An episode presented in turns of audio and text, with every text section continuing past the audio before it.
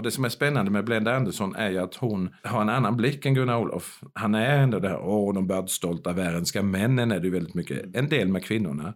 Och samlar han vardagsföremål? Ja, det gör han inte. I så fall hör det till den manliga sfären. Mm. Medan hon ser vanliga enkla föremål istället. Och när hon dör, då har hon testamenterat hela den här samlingen. Och då är ju kanske en av de mest spännande föremålen som Blenda Andersson har samlat in, nämligen en födslostol från Värend. Det ser ut som, vad ska man säga, en hästsko. Den är öppen fram mm. till där man ska hämta ut barnet, men så sitter föderskan på den här stolen då. Och det skulle ju aldrig Gunnar Olof samlat in. Du vet, han är en pryd 1800-talsmänniska, särskilt när han är bland folk. Och du vet, att bara tänka på en kvinnas underliv, han hade svimmat.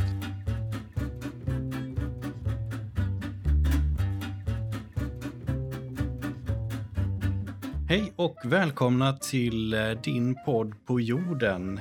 Idag så ska vi prata om kulturhistoria verkligen och eh, hur gör man egentligen när man bevarar kultur och hur gör man när man ser till att något så abstrakt och flyktigt som just kultur ska vara beständigt, greppbart och tillgängligt för eftervärlden? Och vem gör det? Är det stora statliga verk med miljardanslag? Är det institutioner med särskilda uppdrag eller sker det på något helt annat sätt? Svaren på frågorna är givetvis många och kanske ser det olika ut beroende på var i Kronoberg, Småland, Sverige eller världen som vi befinner oss. I podden idag ska vi titta närmare på två personer som var på sitt sätt ansträngt sig för att vara en del av det sammanfogande kittet i det här med att bevara kultur och som var för sig betytt enormt mycket för bevarandet av Kronobergs kulturhistoria.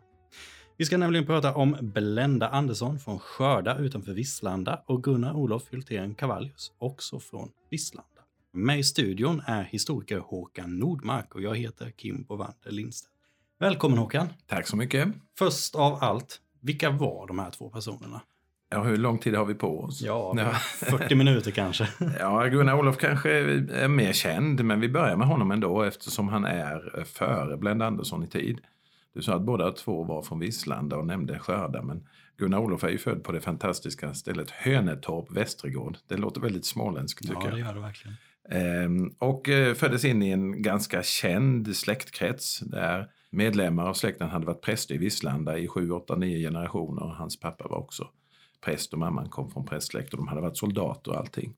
Och det är ju en tid då när han föds, eh, början av 1800-talet, 1818 föds han, där nationalismen börjar komma lite, alltså man börjar rikta intresset på det egna landet och den egna landets befolkning. Historieskrivningen vid den här tiden handlar om stater, Alltså status uppgång och fall. Polens delning och Polen försvinner och Sverige gör det och Ryssland gör det. Det är nästan som om staterna, länderna är personer. Sverige och Ryssland slås. Det är ungefär som Kalle och Pelle slåss i en grind. Det är lätt att få en, en bild i huvudet av hur det skulle ja. kunna se ut. Så, så eh, historia, det riktiga historieämnet höll på med staten helt enkelt. Men nu kom det då ett intresse på ja, men människorna, folkkulturen, eh, kulturhistoria och en del av det då det väckte Gunnar Olof. Och som så många andra så kom han in i det via språket. Han, kom, han gick skola i Växjö, han kom till Uppsala och han läste svenska eller nordiska språk skulle vi kanske kalla det idag. Mm. Och då fick han ett intresse för språkhistoria och menade att man i språket, i ord, även då kunde spåra en äldre tids samhälle genom ord och uttryck. Och då kom det lätt att komma in på sagor och visor och gåtor. Så via språket kom han in och Hans stora förebilder kan man väl säga, som då är ännu lite tidigare än honom på europeiska kontinenten, det är bröderna Grimm, som vi idag bara associerar till sagor, men de är ju stora språkforskare. De har lagt grunden till mycket av modern språkforskning, bröderna Grimm. Och de kom också då in på det här med sagor och sägner, eh, att hitta det gamla språket och uttryck. Så, så han är verkligen i tiden där. Men i Sverige är han först, i Norden är han först med att börja tänka på det här. Och han tänker inte alls att han ska bli en stor samlare. Utan han samlar för att ta reda på det här gamla språket kan man säga. Eh, han söker efter examen i Uppsala tjänst på Kungliga biblioteket i Stockholm för det finns manuskripten. Den gamla fornnordiska språken finns samlade där i manuskript. Och han får en fantastisk tjänst, nämligen oavlönad amanuens. Det innebar att man fick vistas i byggnaden men fick inte betalt. Det var, det var trevligt. bara förmånen att få vara Ja, att få vara där och vara med och ge ut och edera som man talar om, alltså ge ut gamla manuskript och sånt här. Men så småningom så får han en betald anställning kan man säga. Eh, så hans väg in i det här är ganska på ett sätt självklar. Alltså han kommer från då prästsläkten, det har funnits ett intresse för den egna historien och så finns hela det här på europeiska kontinenten med folksjäl talade man ju på den, den tiden, folksgeist. Sen är det ju det ett begrepp som har blivit lite smutsigt efter andra världskriget kan man ju säga. Men, men på 1800-talet så var det här jättestort och det användes ju då av tyskarna mot Napoleons ockupation och sånt här. Det är så lätt, nu talar jag om Tyskland som en stat. Det var ju 48 stater eller något sånt där innan Tyskland är enat och sånt där. Så en jättestor del i det här att ena nationer, det var ju att titta på språket. Vi har haft samma språkstam så och så länge och vi hör ihop, vi talar samma språk. Och det är där Gunnar Olof kommer in. Sen gör ju han en märklig karriär, alltså vägen till att bli en sån här stor språkforskare, han kanske inte så stor, men det här med sagor och visor och sånt kommer att bli väldigt mycket, han ger ut oerhört mycket. Den är inte direkt spikrak kan man ju säga. Det känns inte som det när man Nej. tittar på hans track record. Nej, han börjar ju som en akademiker kan man säga, kommer in på KB och är väldigt akademisk. Men då vill han ju, ja men vi måste ju samla saker och ting nu, det håller ju på att försvinna nu. Jag ser ju bara när jag var hemma förra året i Vislanda, det har ju ändrats mot när jag var liten. Det är nu vi måste samla in det. Och det är inte så lätt att samla in i Stockholm kan man tro, sagor, visor, berättelser och gåtor. Men det är jättelätt därför att det är massor med människor som har flyttat till Stockholm från landet. Och inte minst på Södermalm så bor det massor med småländska gummor och gubbar som jobbar i Stockholm. Och de går han och intervjuar på kvällarna efter han har varit på KB. Och, och ja. eh, ber dem berätta, ja, hur firade ni julen? Och, mm. För, hade ni några spännande sagor när du växte Ja visst, säger en. Så han har många sådana här då som man tror är ursmåländska uppgiftslämnare och det är de. Det är bara det att de sitter på Södermalm. Och det var ju långt innan det här med Sofo och mm. producenter på, mediaproducenter på Södermalm utan det var ju fattigstadsdel på den här tiden. Och det var där han hittade många av sina uppgiftslämnare. Han gick på deras berättelser då? Ja, ja. Eh, bad dem sjunga en stump eller gåtor eller berättande och sånt här. Och då är det språket egentligen han vill åt. Men då kom han ju på, ja men det ändras ju mycket hemma nu.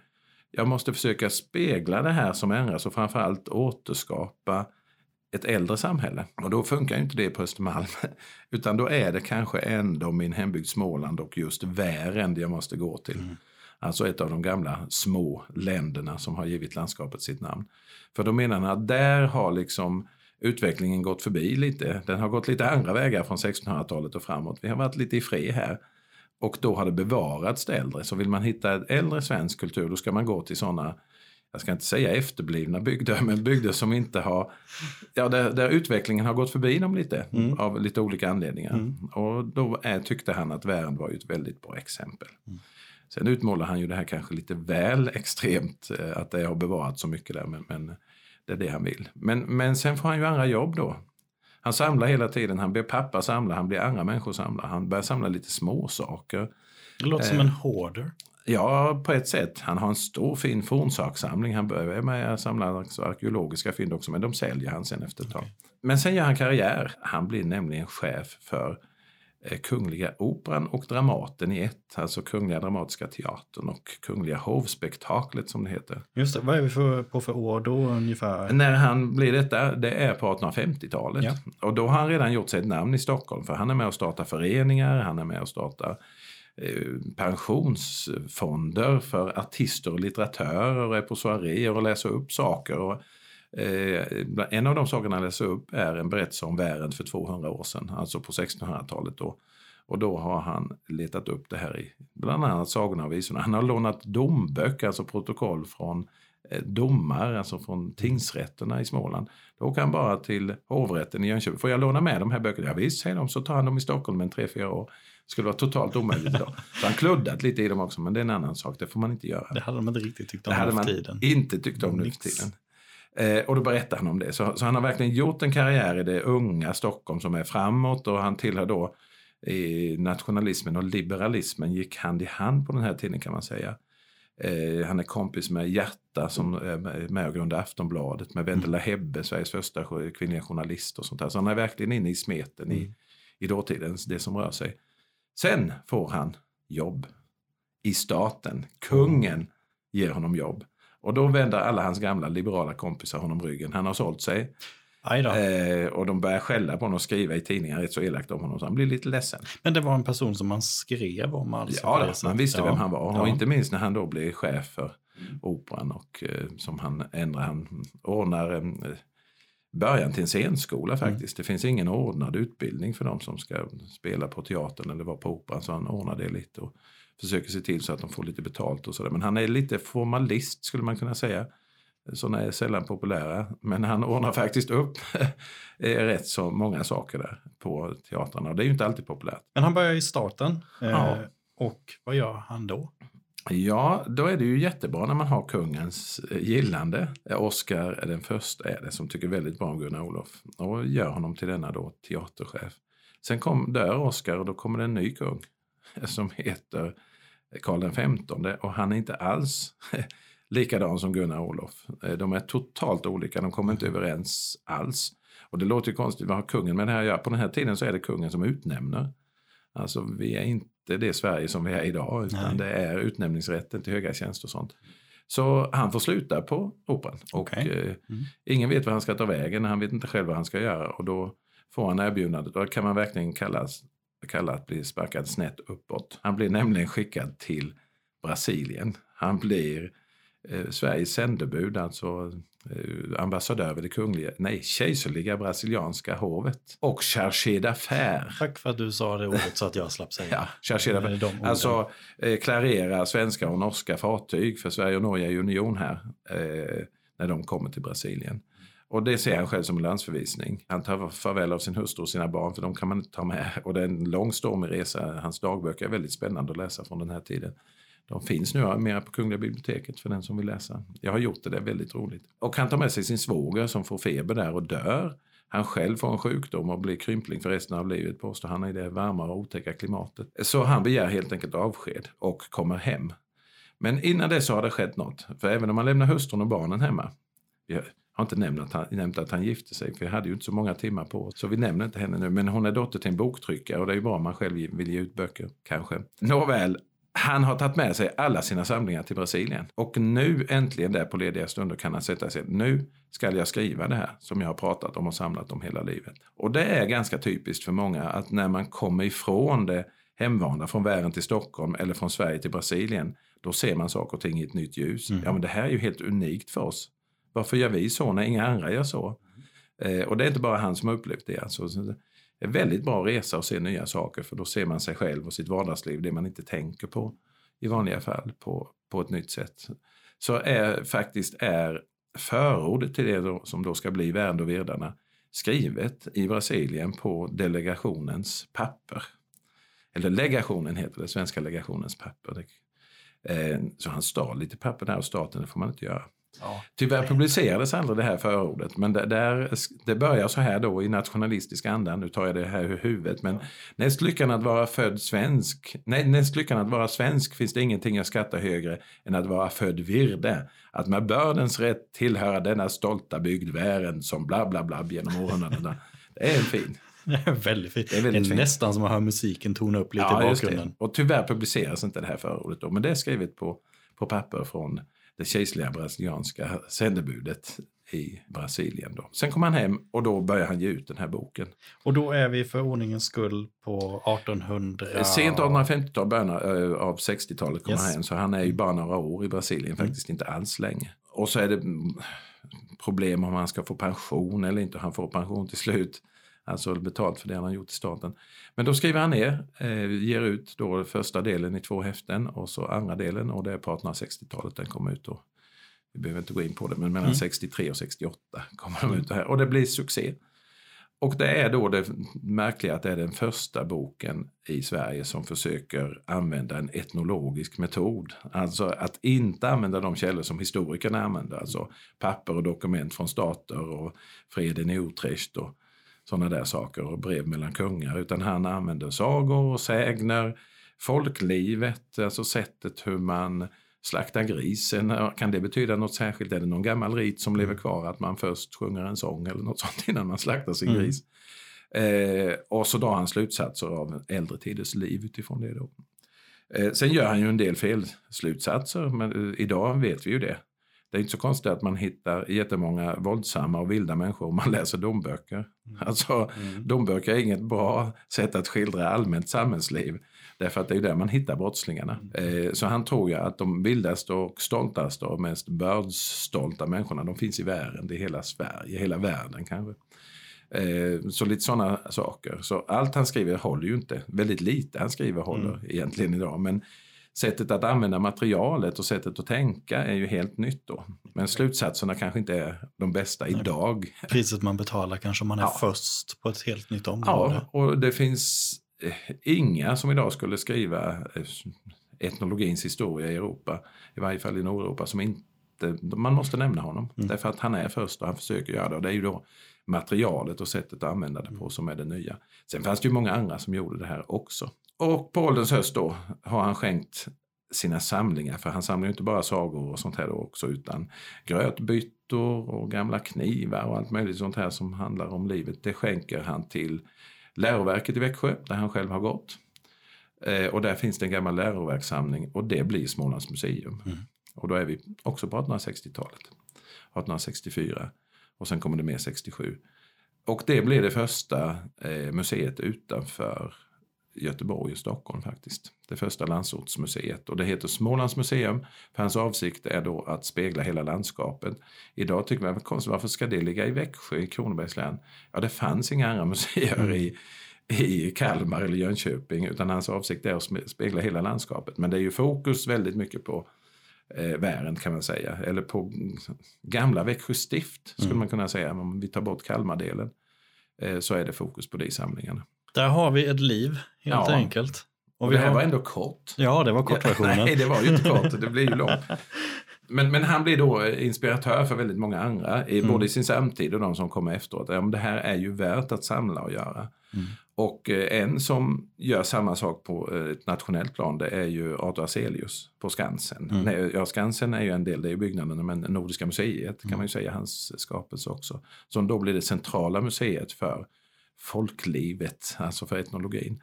Och då är det ju så tråkigt att på, de har inte så många bra småländska grejer där uppe, därför Gunnar Olof har tagit de bästa. Så Ner de får hit. ju bara sådana där tråkiga trasor från Dalarna och sån skit. Nu det kan man ju vara utan. Lite här. nu hittar jag på lite här. Men, men det blir väldigt mycket fokus på Dalarna mm. i det här nya museet. Och det är mycket dalfolk som jobbar i Stockholm. Och de går ju omkring i sina så kallade folkdräkter eller nationaldräkter som man kallar det. Det skulle ju aldrig gummorna på Södermalm göra som Gunnar Olof eh, intervjuade. Det är inte vettigt att gå i en Wärensdräkt när man jobbar. Det gör väl ingen normal människa, den har man ju bara vid fest. Så, så det blir väldigt mycket nationellt fokus på Dalarna. Mm. Och eh, Småland och Dalarna eh, tävlar om vilket ska bli liksom urbilden av svensk landsbygd. Alltså när svenskarna flyttar till städerna, vilken landsbygd är det vi ska minnas? Och då blir det Dalarna vi minns. Det går att sälja choklad med bilder på dalkullor. På mm. Marsetti-choklad så är det en kulla med en toppig hatt och ett, rutigt för, nej, ett randigt förkläde på det så säljer chokladen bättre. Eh, så det, det, funkar väldigt bra. Så får vi de här dalahästarna och sånt. Då blir de, inte förrän lite längre fram blir ju de populära. Men dalfolkets närvaro i Stockholm och att Gunnar Olof har snott de bästa föremålen gör att Dalarna vinner, brukar jag säga. Det är ingen som har bevisat det emot mig, men jag kanske inte har rätt. Jag ska inte säga det. Men det är lite spännande att tänka det här att de här två landskapen tävlar om vilket ska mm. bli det ursvenska. Och om man är lite kontrafaktisk så hade det varit kul att se hur det hade blivit om det var det småländska ja. som vann. Och det har det ju blivit på ett plan. För sen har vi ju så många bra författare. Jag menar Astrid Lindgren har ju satt Småland på kartan på ett helt märkligt sätt. Alltså Emil är ju inte en, en pojke i Kalmar län, utan Emil är en pojke i Småland. Mm. Eh, Emil är inte en pojke i Vimmerby kommun, som vi skulle säga idag kanske, utan han är en pojke i Småland. Mm. Och många av hennes böcker utspelar sig här. Så det, vi, vi har vunnit på ett intellektuellt plan, brukar jag säga när jag träffar folk från Dalarna. Bara för retas. För det tycker jag är roligt. Men sen har vi en person till som vi ska prata om idag. Ja, och då är det Blenda Andersson. Ja. Och hon är ju en generation senare verkligen. Ja. Eh, för när Gunnar Olof dör 1889 är hon nio år gammal. Hon mm. föds 1880. Men också i Vislanda. Eh, och Vislanda har nu blivit lite omtalat när hon föds. Redan när Gunnar Olof föddes så hade han en eh, släkting som hette Samuel Ödman. Mm. Som när Gunnar Olof bara är 10-12 år ger ut en bok som heter Minnen och hågkomster från skolan och hembygden. Där han beskriver prästgården i Vislanda. Så Vislanda är, är på den litterära kartan när Blenda Andersson föds för all del. Men det är inte hon så jätteintresserad av utan hon är bondat och hon hjälper till på gården. Eh, och ser hur arbetet går till. Hon är jätteduktig i skolan. Eh, läraren tycker hon är så bra så hon får gå kvar ett år till. Det är lite intressant, man får gå kvar Ja, ett det. år till. Det var inte kvarsittning. Nej. Men, nej, men henne ska vi nog satsa lite på. Eh, Och finns det pengar kan vi kanske skicka henne till högre utbildning också. Eh, lite längre fram så blir det nästan ett straff. Ja, de fick gå om ett år, men hon fick gå ett år extra och det är ett plus på den här tiden. Ja, det har ju ändrat på sig. Eh, så, för det är ju inte så stor skolutbildning. Men det finns nog inget annat som pekar på att nej, men först hjälpa till hemma. Sen blir hon ju sjuk, ganska så ung redan i, jag tror bara hon är 26-27 år, Mm. när hon får väldigt svår ledgångsreumatism som bara blir värre och värre. Och från och med i mitten av att hon är ja, 35-36 år så blir hon sittande. Hon kan, alltså hon kan gå med käppar de första tio åren, käppar och bockar och sånt, men till slut så blir hon sittande. Och det finns till och med, eh, alltså hon kan ju knappt ta sig upp ur sängen själv och då är hon inte ens 40 år gammal utan man f- får ha människor som hjälper henne att lyfta, lakan, lyfta henne i ett lakan helt enkelt. Och det går inte att ta i henne heller för hon har så fruktansvärt ont. eh, Den här ledgångsreumatismen. Och idag finns det ju, ja inte botemedel, men det finns det som hämmar alltså sjukdomen att den inte får så kraftigt förlopp och du kan lindra smärtan, för det är en hemsk smärta i det här. Eh, och det hon gör det är att hon fortsätter på en bana hon ändå har gjort när hon inte är sjuk. För hon har redan innan skrivit lite små dikter, eh, skrivit små eh, noveller eller berättelser och fått publicera det i lite olika tidningar, framförallt i Bondeförbundet, alltså land, landsbygdsrörelsens tidning eller jordbrukets tidning. Eh, och hon fortsätter med det. Men sen får, kommer hon i kontakt med två herrar. Inte rent fysiskt, för den ena är död. Gunnar, hon får Värn och Virdarna, Gunnar Olofs bok i handen Mm och läser den för första gången. För när man inte kan sitta och jobba hur som helst så har man kanske tid att läsa ändå. Och hon får också då en skrift ifrån Lunds universitet som heter Folkminnen och folktankar om jag kommer ihåg rätt. Den är utgiven av en etnolog. Han är docent i etnologi och han heter Carl Wilhelm von Sydow och han är smålänning och han är stor beundrare av Gunnar Olof Hultén Cavallius och han samlar också sagor och berättelser. Hon läser det, ja men det här kan ju jag också. Jag har ju varit med om det här och jag vet vad som hände sen efter att Gunnar Olof eh, skrev. Och nu skriver ju den här Carl Wilhelm von Sydow att han vill ha in berättelser om hur såg folklivet ut när ni var små och sånt här. Ja, då sätter jag väl mig och skriva då, tänker hon. Och det gör hon. Och då får vi ju föreställa oss en människa med helt värkbrutna händer, alltså fingrarna som klor. Och man får sätta en penna i handen på och hon får en bräda i knät och så pappret och skriva. Och det gör ont varenda bokstav som hon skriver. Men hon vill berätta. Det är en beundransvärd Ja. insats på många sätt. Man blir nästan ledsen när man tänker på det. Ja, Och eh, hon skriver och skriver och skriver och hennes berättelse då, inte minst en om julen i Visslanda på första halvan av 1800-talet, får pris av eh, Carl Wilhelm von Sydow, eh, dåtidens främste etnolog, säger att det här är fantastiskt. Det är något helt otroligt. Och den trycks då bland annat i eh, museets årsbok, Hylten Cavalliusföreningens årsbok, som den hette på den tiden, nu heter den Kronobergsboken. Och den som startade Hylten Cavalliusföreningen, årsboken, det var Carl Wilhelm von Sydow. Alltså docenten i etnologi i Lund. Då undrar någon varför blev han inte professor då i etnologi? Carl Wilhelm von Sydow var så duktig. Ja, det fanns ingen professur, för etnologi var inget riktigt ämne än.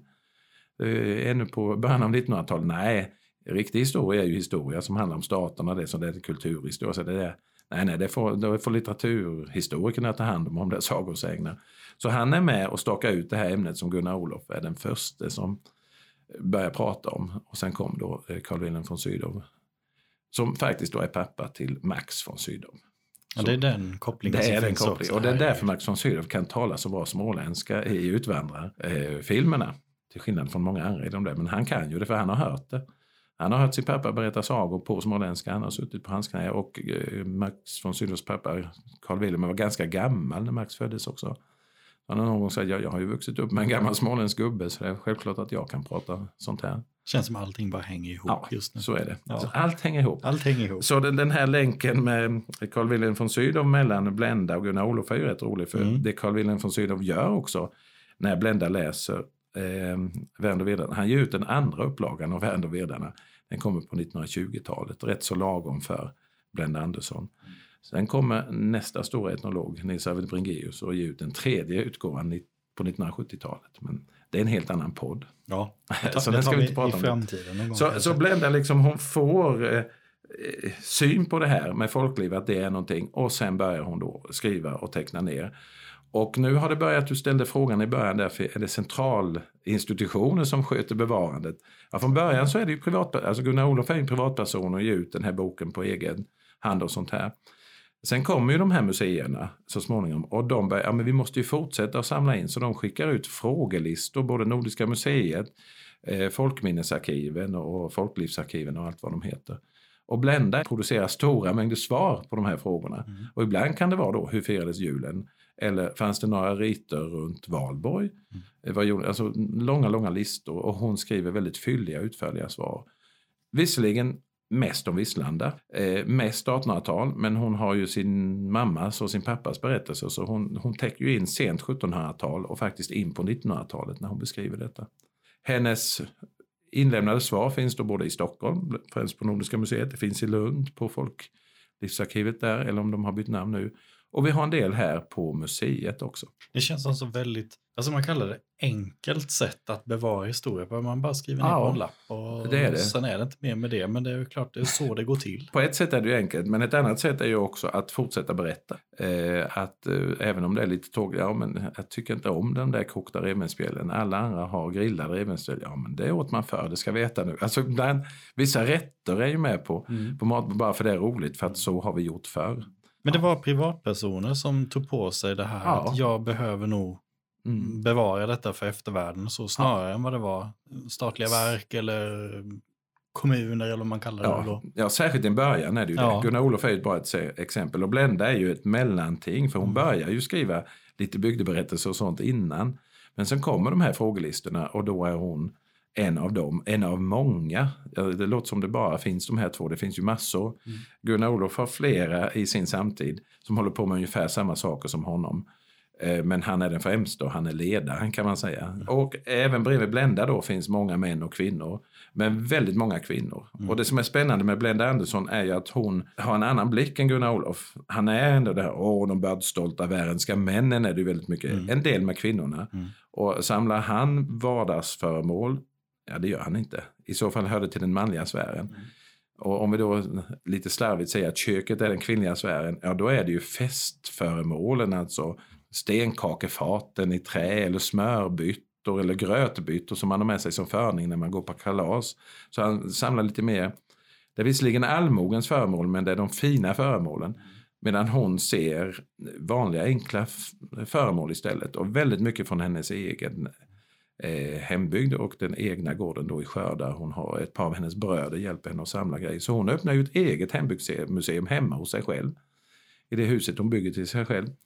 Eh, ett litet hembygdsmuseum med föremål och så har hon då skickat in sina berättelser och när hon dör eh, 18, nej 18 säger jag, 1949, nu kan jag titta på dig Kim. 47. 47 dör hon. 47 dör hon, 47. ja. Dör hon. Då har hon testamenterat hela den här samlingen. Eh, som man då säger lite slarvigt, 600 nummer.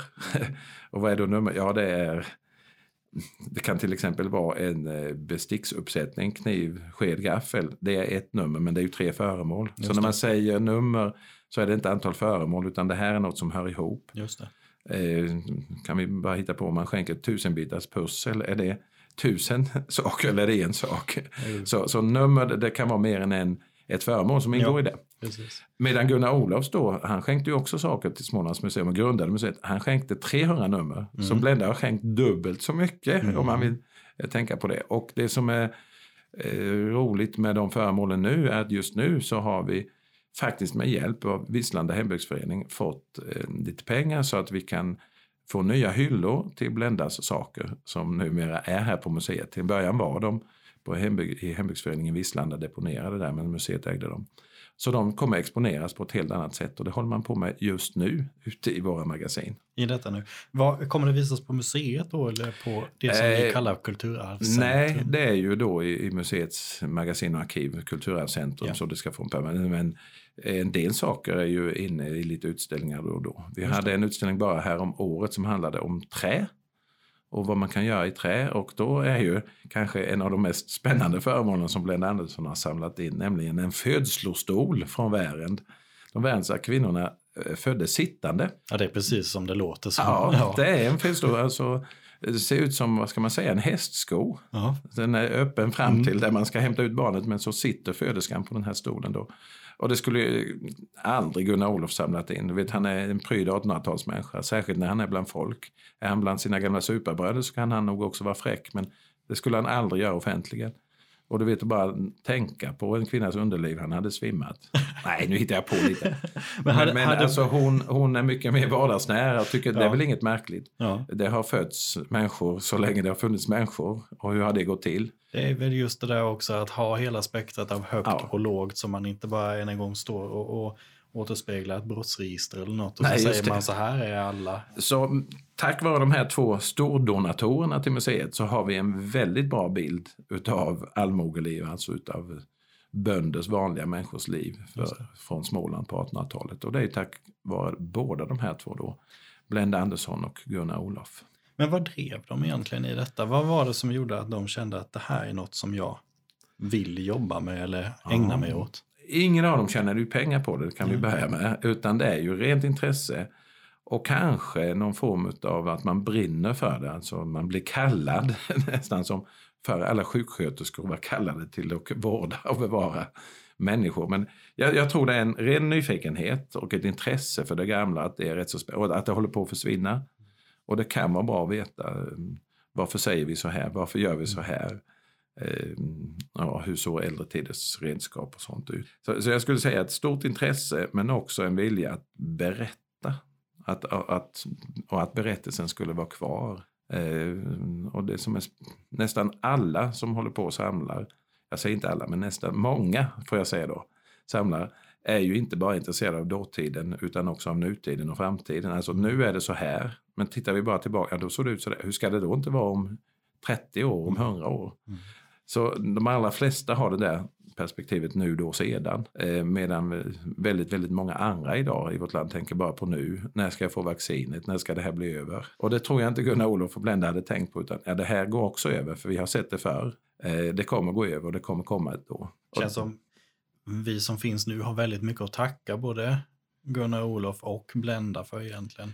För att förstå vår bakgrund också. Ja, det, och det är ju just vanligt folk då också är ju ganska roligt. Alltså hur, hur, ja, hur levde de sin vardag? Mm. Och, och de här användandet av frågelistor det kommer ju inte längre ifrån de här institutionerna men man har ändå en viss insamling då och då och ber eh, människor att kan ni dokumentera exempelvis den 15 september vad ni gör då? Mm. Skickar man ut från ett visst år.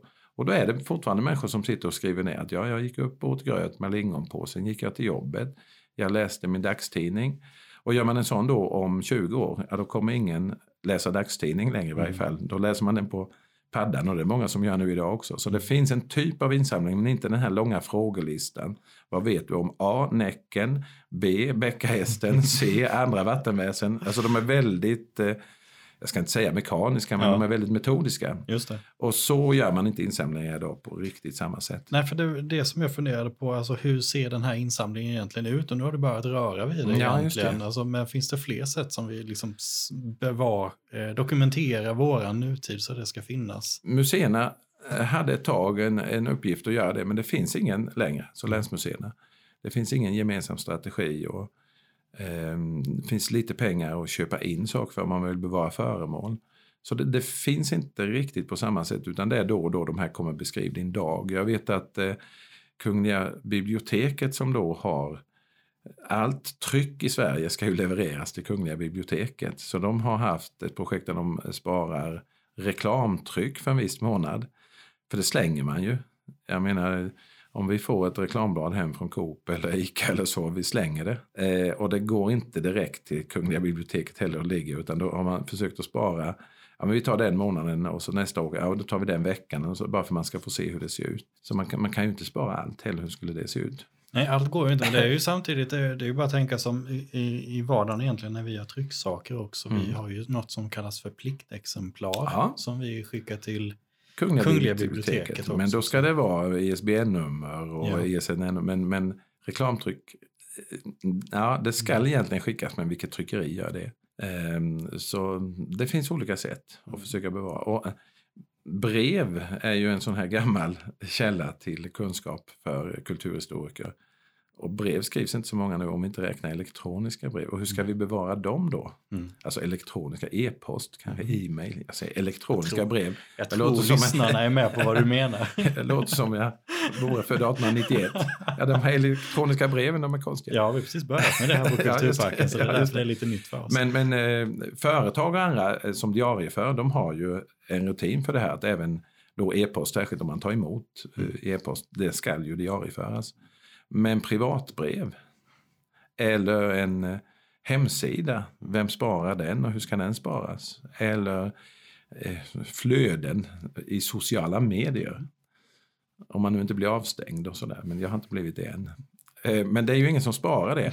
Så det kommer att bli väldigt mycket mindre i framtiden för kulturhistoriker, för historiker och, och jobba med. Så är det, för det är mycket är ju på den goda viljan från företag till Ja. exempel. Eh, för att nämna Facebook då, Ja. kanske att, Mm. att spårningen fortfarande finns kvar där i si och så många år. Ja, och lite nedkretad blyerts på ett papper, om det är bra papper, det håller väldigt länge. Men eh, även det som sparar elektroniskt, det måste ju sparas om, särskilt när man får nya system och sånt här också. Jag vet inte om man tar fram, jag skrev en uppsats en gång om just Gunnar Olof Hultén Cavallius, det skedde väl 1989. Jag tror den är på en floppy disk någonstans hemma i en jag vet inte ens vad jag skulle stoppa in den i idag. Det finns inga sådana maskiner. Som tur är så har jag den då tryckt. Ja, Men det är bara något enkelt offset-tryck och det kommer snart trycksvärtan att kunna, kunna Såklart. blåsa bort den. såklart. Och även en Så- floppy disk har ju sina En floppy disk. Ja. Ja. den är...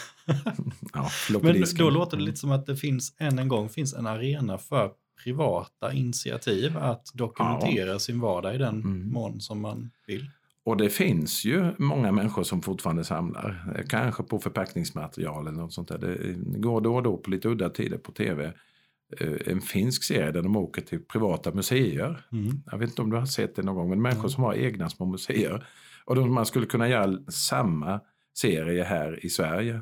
Människor som har egna samlingar och tycker det är spännande. Nu är det kanske inte just i samma härad som Gunnar Olof och Blenda, men att människor tycker om att samla och det sker väldigt mycket privat samlare. Vi har ju ett James Bond-museum i Nybro till Jajamän. exempel. Ett Svenska Amerikalinjen-museum utanför Varberg som är i en sommarstuga i princip. Dit man kan få komma. Så det finns ju många sådana här privata samlare. Sen är ju frågan vad händer när de vill avveckla det här av en eller annan anledning. Ska de skänka det till någon institution? Ett museum? Och då ska de eh, välja, ja, vill vi ta emot det här? Så tar man emot det har man ju också ett ansvar att ja, men tar vi emot ska vi nog bevara det. Sen kanske centralmuseerna har lite, om vi nu får kalla dem då, lite annat eh, tankar kring det här. Men det är inte jättemycket eh, systematiskt insamlande som ingår, som jag känner till i varje fall. Om vi tittar tillbaka på Belenda och Gunnar Olofs arbete. Mm. ehm, hur använder vi resultatet av deras gärningar idag? Ja, vi vet jag inte, men jag kan, Ja, kan ska berätta hur jag jag? använder det. Är, är det jag som historiker då? Jag, vi, Håkan. Ja, nej, Håkan.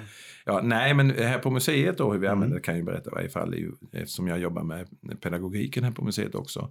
Ett bra exempel tycker jag är Blenda Andersson när hon beskriver julens firande och hur man tillverkar små sådana här en oro eller en mobil som hänger i taket. Mm. Det kan vara en halmkrona och det kan vara svinborrskrona.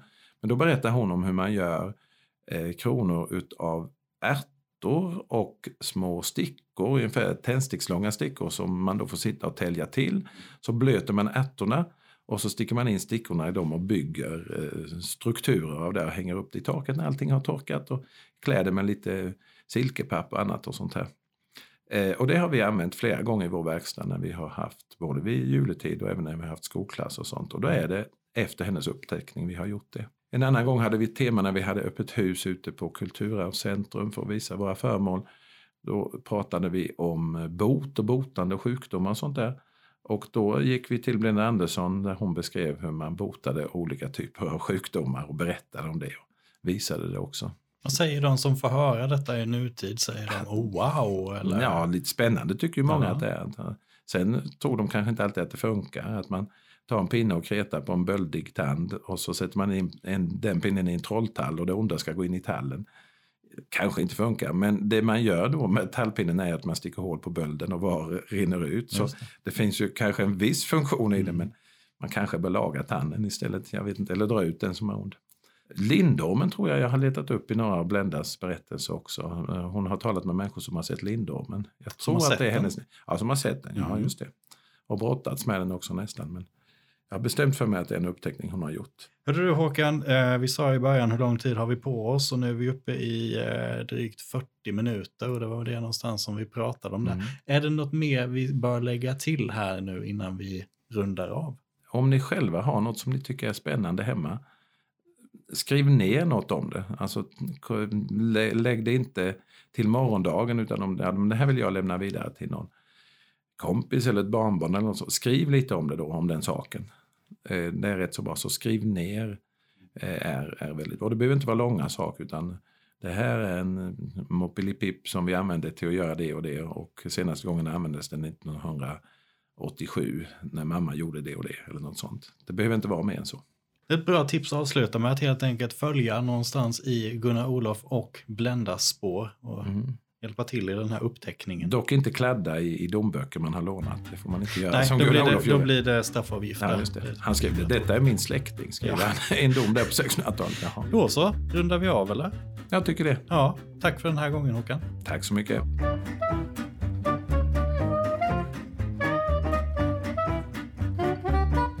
Din podd på jorden är Kulturparken Smålands podd om Kronoberg. Här pratar vi om stort som smått inom länets kulturhistoria, från forntid till nutid.